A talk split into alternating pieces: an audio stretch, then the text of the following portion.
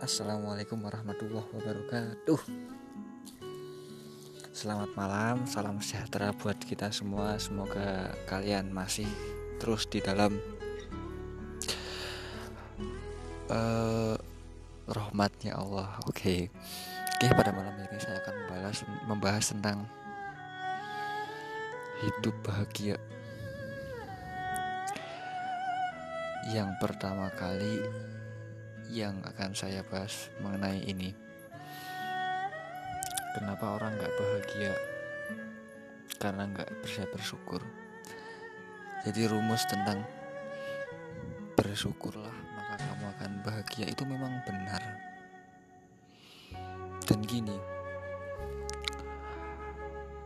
kebanyakan orang bingung dengan apa yang harus dia lakukan dalam kehidupan sehari-hari. Soalnya apa? Soalnya mereka belum bisa atau belum mendengarkan apa yang hati mereka katakan. Allah ketika memberikan sesuatu itu seringnya lewat hati. Makanya ketika kalian menjumpai sebuah masalah dihadapkan pada sebuah pilihan yang membingungkan, permasalahan yang rumit dan lain sebagainya maka yang harus kalian lakukan adalah dengarkan apa kata hati kalian. Karena di situlah Allah memberikan jawaban di hati. Lebih seringnya Allah memberikan jawaban atas permasalahan kalian yaitu di hati. Makanya ketika kalian menjumpai beberapa masalah, merenunglah. Kalau dalam istilah filsafat itu merenunglah. Agar apa? Agar kamu bisa objektif, agar kamu bisa mendengarkan apa yang hati kamu katakan.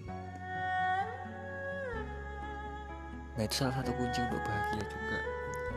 Jadi ketika sudah mendengarkan kata hati, apa pun yang dikatakan hati, maka terimalah, bersyukurlah dengan apa-apa yang kalian miliki, dengan apa-apa yang sedang kalian jalani. Kalau kalian nggak tahu apa hikmah yang ada di semua yang kalian miliki dan semua yang kalian jalani saat ini. Seperti yang saya bahas kemarin, mungkin hari ini susah, besok susah, tapi lusa pasti bahagia. Itu sebenarnya sebuah retorik saja sih. Jadi intinya ketika kita mendapatkan sebuah masalah yang membuat kita kurang bahagia pada saat ini, sebenarnya itu cara Allah untuk apa? Untuk menggiring kita agar kita sampai pada sebuah kebahagiaan nanti di depan. Gitu. Jadi bersyukur dan bersabar adalah kunci untuk menuju kebahagiaan. Terima kasih saya Ikhwanul Bukhari. Assalamualaikum warahmatullahi wabarakatuh